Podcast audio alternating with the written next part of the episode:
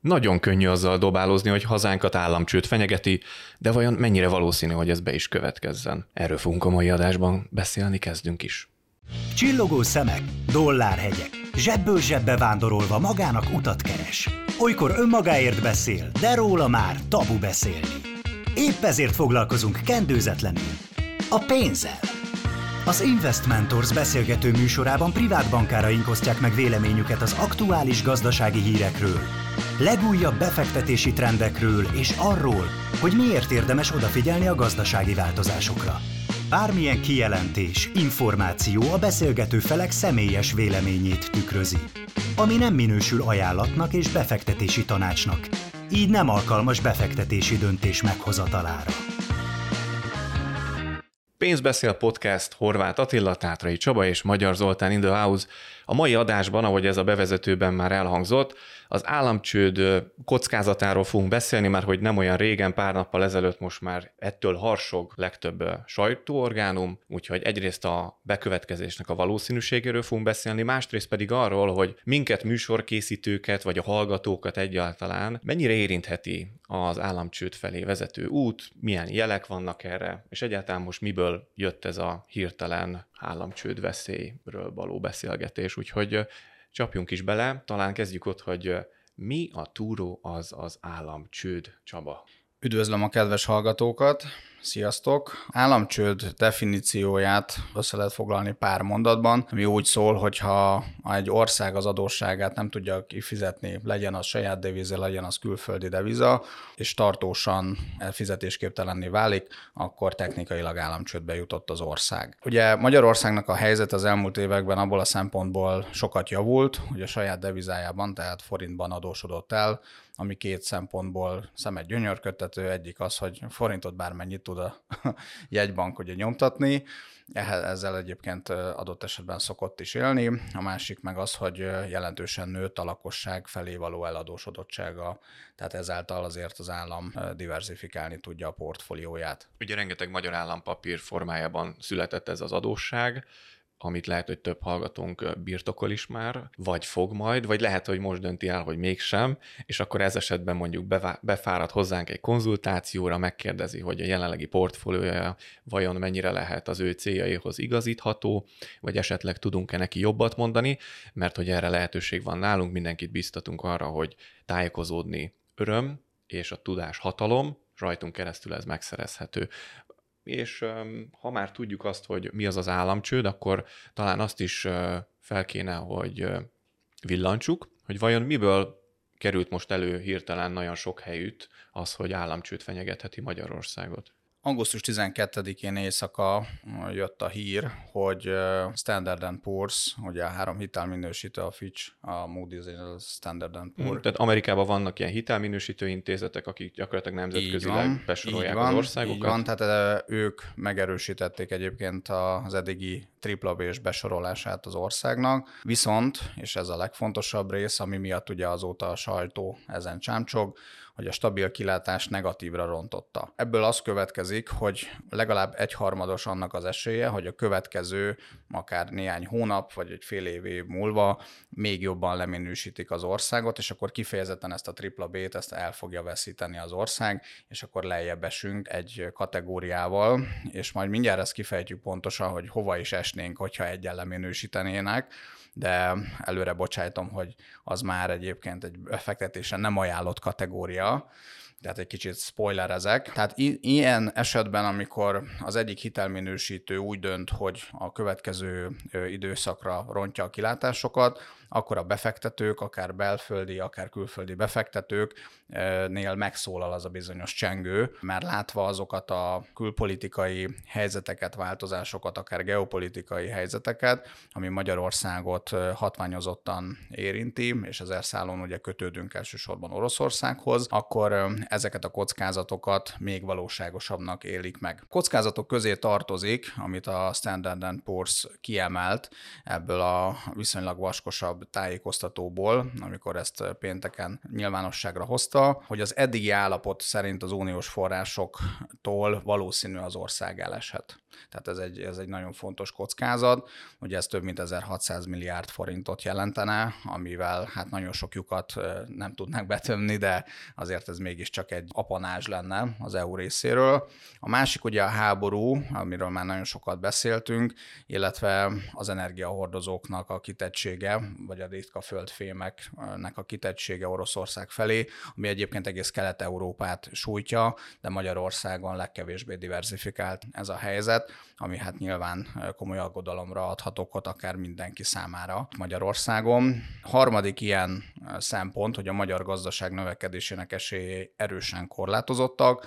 Ennek egyébként rengeteg kivezetése van, amiről szintén beszéltünk már sokszor a podcastben, illetve a magas infláció, illetve a gyenge forint az különösen problémás a magyarországi gazdasági kilátások megítélésekor. Az utóbbihoz hozzá tartozik, hogy a tegnapi nap során, csak hogy hogyan reagáltak ugye a piacok, ugye 390 környékén kezdte az euró-forint kurzus hétfői kereskedési napot, és ez most már kedre már 403 felett vagyunk.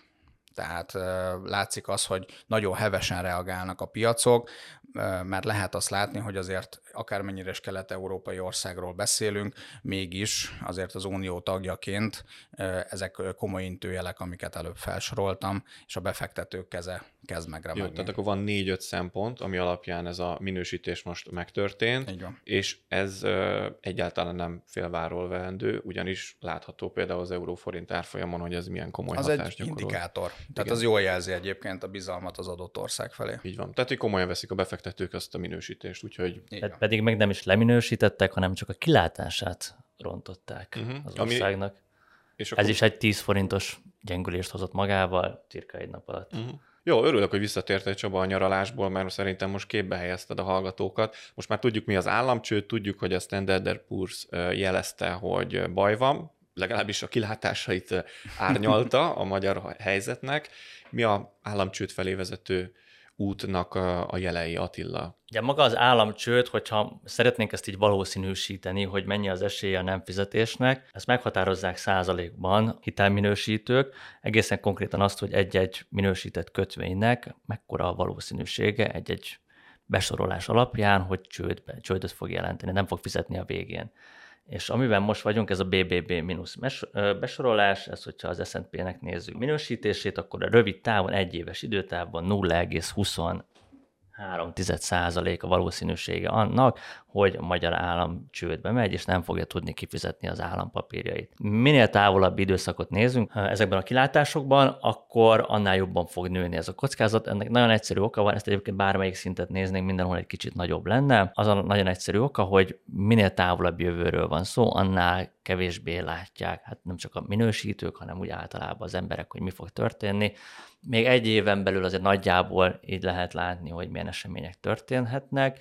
Ott még azért kicsi az esélye annak, hogy csődbe megy egy ország, de minél távolabb ez, annál több különböző esemény. Hát lásd a mostani példát, egy évvel ezelőtt még nem beszélhettünk háborúról. Az elmúlt fél évnek meg abszolút a legmeghatározóbb témája háború, infláció. infláció. Uh-huh. Jó. Sőt, bocsánat, tehát hogy ott, ott még az is téma volt egy-két-három évvel ezelőtt, hogy akár még jobban felminősítik az országot. Beszélgettünk a hitelminősítőkről az S&P esetén, vagy a Standard Poor akkor így, hogy mindenkinek világos legyen. Hogyha megnézzük, és majd a Wikipédia oldalát be fogjuk linkelni a, a felvétel alá, a, alattunk már ugye a befektetésre nem ajánlott vörös zóna van, és ott már a dupla B, szimpla B, tripla C, és csak hogy hozzak mindegyikre egy-egy példát, például a dupla B, ami már befektetésre nem ajánlott kategória, például a, bra- a brazil állampapír ott van.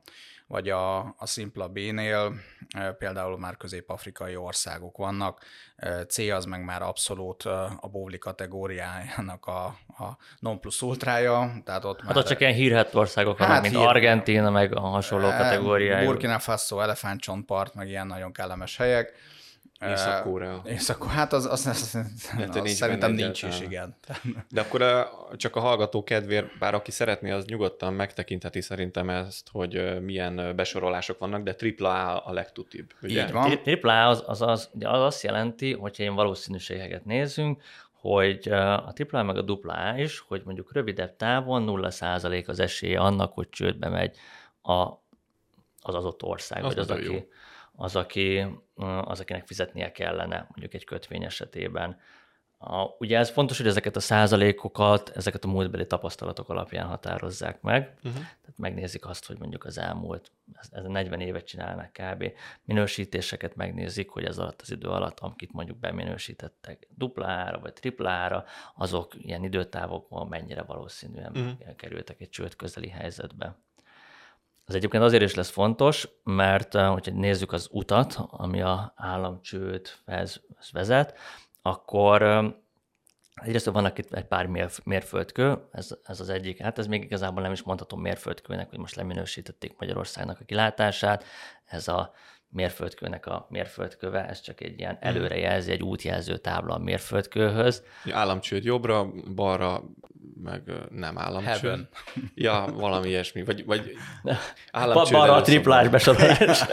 nem, én most Szép jo- jobbra téptünk Csak egyet. el, például ugye a triplás besorolásnak Amerika örvend, vagy Ausztrália például. Nagyon kevés egyébként. Vagy nyugat-európai országok közül lehet többet mondani, például, például Franciaország is annak örvend. Ez a du- duplá, Nem, bocsánat, triplás, igen. Németor, Németország egyébként a francia az duplás, de például A pluszos Ausztria is, ahol azért ugye nagyon alacsony ezeknél a hitel kifizetésének a kockázata. Igen, nagyon kevés ország is szerintem ebbe a duplá, meg a triplába körülbelül, hogy rákeresek, de egy ilyen 15 ország tartozhat. Mhm. Nagyon kevés, akik tényleg ilyen nagyon jó kilátásokkal bírnak. Azért ijedtek meg ennyire sokan, azért akár a hazai közgazdászok között is, akár a szakmai sajtó erre nagyon gyorsan rácuppant, e, és az látszik, hogy a nemzetközi befektetők is ezt e, komoly intőjelként e, értékelik, mert ez alatt a befektetése nem ajánlott kategória van. Ez sem jelent katasztrófát, mert ugye a múltban is volt, 12-ben egyébként most jubiláltunk, 10 éve volt, hogy Magyarországot leminősítették, és befektetése nem ajánlott kategóriába kerültünk, aztán utána ebből kikerültünk 16-ban, tehát volt egy négy év, és most visszaemlékszik a kedves hallgató, átéltük, túléltük, sokan nem is tudták, hogy egyébként befektetésre nem ajánlott kategóriában volt az ország, csak nyilván ezzel párhuzamosan láthatatlanul bekúsznak olyan dolgok, hogy adott esetben az infláció elszállhat, olyan a, a gazdaságpolitika, tehát ennek rengeteg olyan okozata van, amit egyébként saját bőrén megérez az ember, csak ugye ö, ezeket így ö, az átlag ember nem rakja össze, hogy ezek okokozati összefüggésben vannak. És amikor nemzetközi szinten például megvásárolják a magyar állampapírt, akkor bizonyos befektetési alapok egy befektetésre nem ajánlott kategóriába lévő állampapírt nem is vehetnek meg. Erre alapoknak szabályzata van. vonatkozik, hogy mit vásárolhatnak, mit nem. Például a nyugdíj alapoknál sokszor meghatározzák azt, hogy befektetésre ajánlott szint alatt nem vehetik. És ez mit jelent mondjuk Magyarország számára, mit jelentett a kötvények oldaláról, hogy az országot egyszer leminősítették, majd aztán visszaminősítették. Ha leminősítik az országot, akkor az azt jelenti, hogy ugye kisebb az esélye annak, hogy vissza fogja fizetni azt a, a tartozását, ezért csak úgy adnak már kölcsön a befektetők pénzt, hogyha ezért több kamatot fog kínálni az ország. Ugye ezt a fajta kockázatot, hogy ugye lehet, hogy nem fogják visszakapni a pénzt, vagy lehet, hogy csak nagyobb rizikóval, ennek meg kell jelennie majd valahol a kamatokba.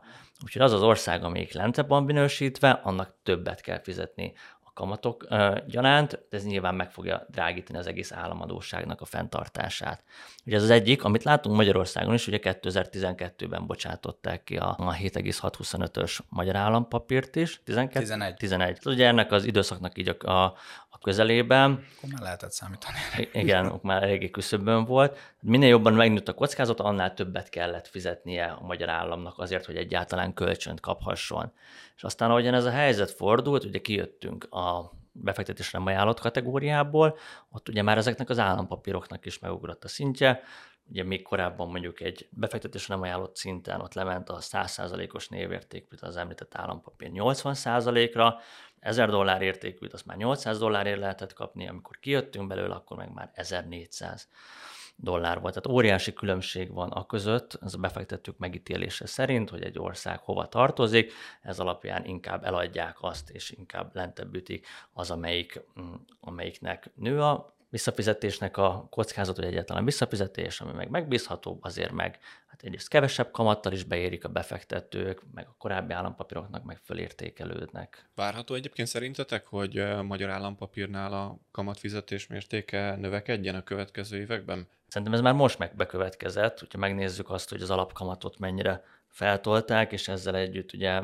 emelkedni fog biztos, hogy a magyar állampapíroknak és friss kibocsátásoknak is a kamata. Ez szerintem elkerülhetetlen. És egyébként itt bejön egy másik szomorú államcsőd felé vezető úttal együtt járó probléma, hogyha megnő az adósság finanszírozásnak az ára, több kamatot kell fizetni, azt ugye több pénzbe is kerül, ugye ezt valahogy ki kell gazdálkodni. Erre két megoldás van. Egy országnak az egyik az az, hogy még több hitelt vesz föl, és akkor a kamatokat is még több hitelből fogják finanszírozni. Ez valahogy egy normális dolog, de de mondjuk... Csak egy spirálhoz vezethet. Egy, egy spirálhoz vezethet, igen, és azért nagyon el lehet szállni, és Előbb-utóbb azért ne legyen illúziónk, vissza kell fizetni az államadóságot, minél nagyobb hitelnő így az, vagy a országnak a nyakára, ráadásul úgy, hogyha még magasok is a kamatok, akkor ez nem egyszerűen csak nő, hanem nagyon gyors tempóban fog tovább nőni. Ez az egyik út.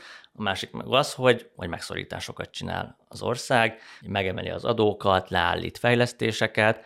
Ugye ez is egy ilyen önsorsrontó út, mert ezzel a jövőjét veszi el akár. Szociális hozzájárulásokat. Például igen. igen. Ugye Görögországnak az esete, nél is ugye Görögország azért is speciális, és azért is érdemes szerintem beszélni róla, mert Görögország hosszú ideig egy ásbesorolású, a legjobb minősítés országok közé tartozott. Egy pillanat gyorsan rákeresek is, mert hogy még ilyen 2009-2010 is és hogyha... Ezt lehet, hogy sok hallgató nem is tudja, mert szinte mindenki vagy a Giroszról azonosítja Görögországot, vagy arról, hogy egyszer majdnem államcsőd Vagy volt. Vangelisről. Lehet, igen. De arról, vagy a 300 című filmről.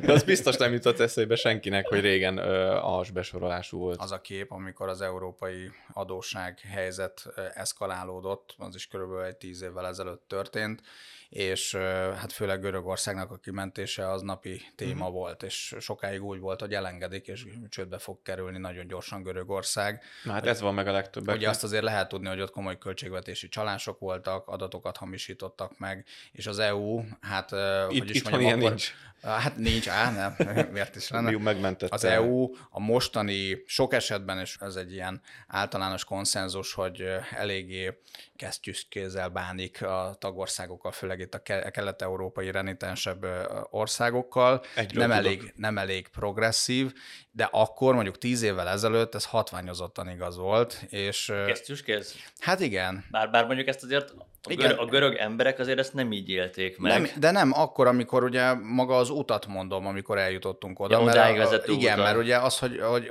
ezt lehetett tudni, hogy éveken keresztül meghamisított adatokat Ami nem küldtek, tud, és akkor fáj. ez így beérkezett Brüsszelbe, megnézték, hogy rendben van, oké. Okay. A hitelminősítők is ugyanezeket kapták meg, megtartották a besorolást, minden szép és jó, aztán egyszer csak jött ugye a nap végén a felismerés, hogy hát valójában egyébként közel sincsenek mm. olyan számok és olyan mutatók. Erre akartál rágombolni valamit? Igen, azt, hogy, hogy hogyan is, hogy mi is volt ennek a története, mert hogy ez hosszú ideig egyáltalán nem volt látható. Ugye volt 2008-as válság, nagy probléma, itt az egész Európát, az egész világot érintette, Ebben az időszakban 2008-as válság, 2009, amikor ennek a, a tőzsdéket nézzük, a mélypontja volt, Görögországnak a besorolása A, A1, A2, 2009 még mindig, 2010 még mindig, ásbesorolású Görögország, 2010 április 22-én a Moody's megerősíti azt, hogy ez egy ásbesorolás, és viszont április 27-én az S&P az már lentebb rontja, már BBB, tehát az már a befektetése nem ajánlott kategória, 5 nap uh-huh. van a mhm. kettő között,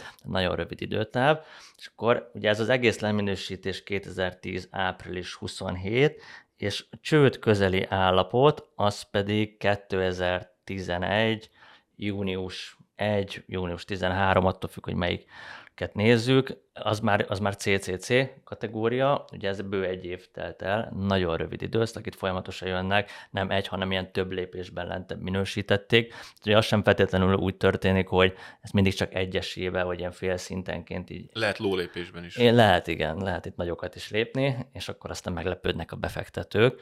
Szóval egy bő egy év alatt eljutottak az erősen befektetésre ajánlott, nagyon kicsi a kockázata annak, hogy az ország csődbe megy szintről, odáig, hogy gyakorlatilag csődbe ment.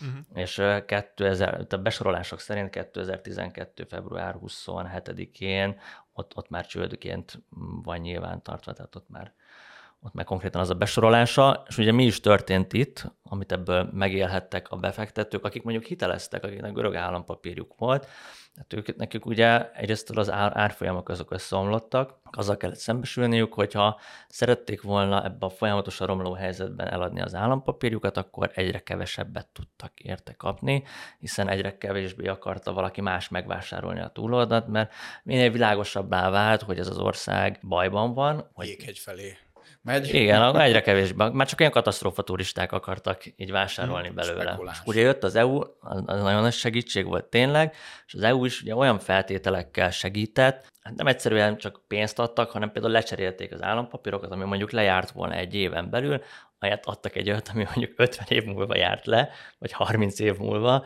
és mondjuk nem akkora kamattal, hanem alacsonyabbal. Úgyhogy igazából az a befektető, aki már éppen arra várt, hogy kifizessék őt, most lehet, hogy egy olyan helyzetbe került, hogy hát 30 év múlva lejáró kötvényre tudja csak így lecserélni. Ráadásul alacsonyabb kamattal, és én úgy tudom, hogy történtek leírások is. Leírás az azt jelenti, ez is egyébként az államcsődhöz vezető útnak, ez már amikor nagyon közel vagyunk, amikor megindul az alkudozás, hogy oké, okay, hogy fizetne, de akkor már kicsit kevesebbet, ez, ez például Argentina is próbálkozott ezzel, mm. valamilyen befektető. Kevesebb ugye. sikerrel egyébként. Ez az eskü megadom, de csak előleget tudok adni. Hát igen, vagy figyelj csak, látod, hogy le vagyok égve, úgyse fogom kifizetni az egészet, akkor tudod mit, tartozok neked egy százassal, de adok egy ötvenest, és akkor jók vagyunk?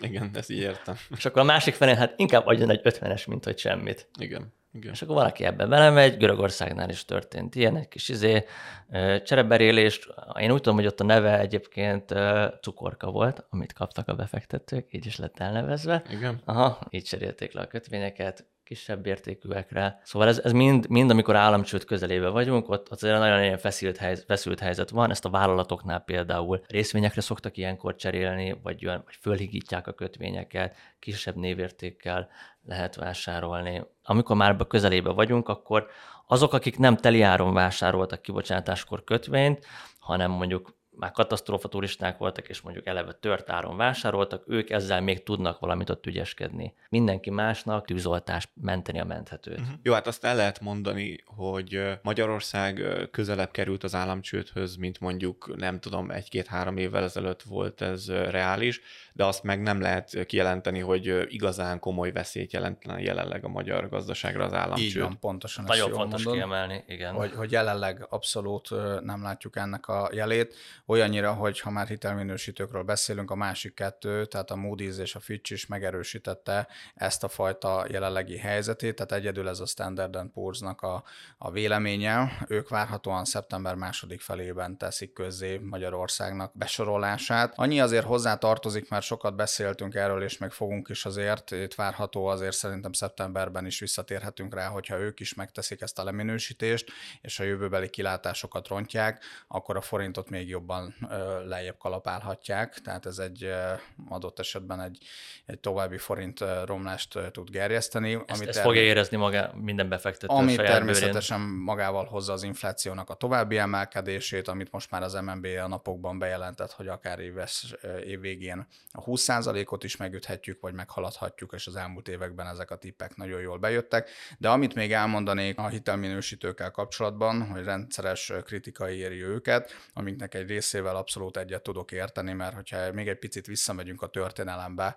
ugye 2008. szeptember, amik a Lehman Brothers-t megerősítették, hogy a legjobb triplás besorolásnak örvendő bankok egyike, aztán néhány nap múlva csődöt jelentett. Valójában ugye kiderült, hogy a háttérben az egyes hitelminősítési kreditekért komoly pénzeket fogadnak el a hitelminősítők, akkor megkérdőjeleződik, hogy ez mennyire objektív. Azóta természetesen most már eltelt 14 év, nagyon-nagyon sokat változott, és ez a három hitelminősítő maga a rendszer is, és ez kicsit olyasmi, mint a kapitalizmus, hogy rengeteg hibája van, de nem találunk ennél jobbat, jelenleg ennél jobb gazdasági szerkezetet, szervezetet, amik ugye mondjuk jelen esetben ez a három szervezet ellenőrzi a globális piaci folyamatokat, országokat, cégeket, és a besorolása az mégiscsak egy ilyen fokmérő mérője, hogyha valaki Dél-Amerikából, vagy Észak-Amerikából, vagy Ázsiából be akar fektetni Magyarországba, akkor először a hitelminősítőknek a kommunikációját nézi meg.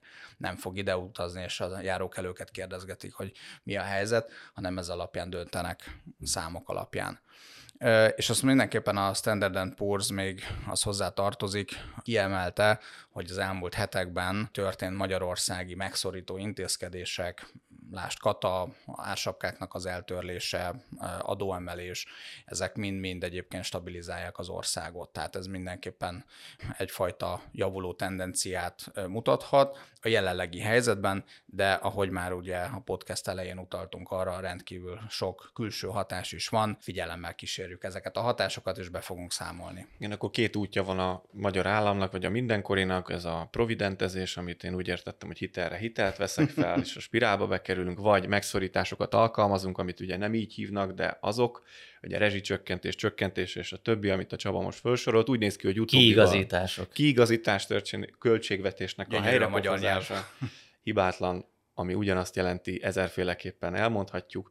Szóval valószínűleg ezt az utóbbi ilyen kiigazítós utat választja, de ez azért rögös és nagyon sok kockázattal, meg kilá, hogy mondjam, sok valószínűség, meg jövőbeli váratlan események befolyásolhatják meg ezeket folyamatokat, amiket nem látunk előre. Úgyhogy a befektetők irányában mit fogalmazhatunk meg javaslatként, látva ezen helyzetet, amit most egyébként össze is foglaltunk. Az egyik szerintem ilyen, hogy nem kell ahhoz államcsődnek történnie, hogy rossz legyen egy befektetőnek. Uh-huh. Bár mindenki az államcsődtől fél, fél, de valójában az oda vezető út az reálisabb, sokkal-sokkal, egyébként ugyanolyan kellemetlenségekkel jár. Életszínvonalának a csökkenése, forintos megtakarításoknak az elértéktelenedése, hosszú, akár több évtizedeken keresztül történő stagnálása az ország növekedésének. Ezek, ezek mind egy, akár egy nemzetéknek a sorsát tudják megpecsételni, ha pedig befektetésekről van szó, akkor pedig nagyon szörnyű elértéktelenedéseket fog tudni magával hozni. Én úgy gondolom, hogy olyan országok is, mint mondjuk Venezuela, még mindig működnek, pedig hát ha valahol, akkor ott, ott már rég csődbe kellett volna menni, meg működik még Argentína is, ugye Görögország is, hát egy nagyon szörnyű helyzetből azért valamennyire kijött, Törökország is ugye mm. szörnyű helyzetben de nagyon hosszú ideig el lehet húzni. Ne, ne azt tartsuk itt szem előtt, hogy lesz államcsőd vagy nem, mert hogy már csak ezekkel az országokkal egy lapra kerülni, már az is reputációban is borzasztó, és ahogyan látjuk, hogy ez nem az van, hogy egyszer csak így államcsődbe kerülünk, vagy kicsit leminősítenek, aztán majd jövőre már jobb lesz, hanem ez, ez hosszú évekig tartó problémákat fog generálni. És valószínűleg hát ti is, én is, meg a hallgatók is érzik, hogy ez a leminősítés nem feltétlen légből kapott, érezzük a napi megélhetésen, a pénztárcánk zsugorodásán, úgyhogy a javaslat az az szerintem a részünkről, hogy valószínűleg Venezuelában, Argentinában, meg Törökországban is van egy kisebb halmaznyi állampolgár, akik úgy befektetnek, hogy igyekeznek ellensúlyozni a negatív hatásait az államcsőd felé vezető útnak, úgyhogy mi is erre biztatunk mindenkit, hogy igyekezzék akár rajtunk keresztül is olyan információkhoz jutni, hogy ki tudja ellensúlyozni ezeket a negatív eseményeket, meg hatásokat. Mit szóltak egy elköszönéshez? Mehetünk tovább, így van ebben az okay. akkor, akkor a viszontlátásra, a viszonthallásra. A viszonthallásra. Viszonthallásra. Ez volt a Pénzbeszél, az Investmentors podcastje. Ha tetszett, iratkozzon fel ön is, hogy ne maradjon le a legújabb felvételekről.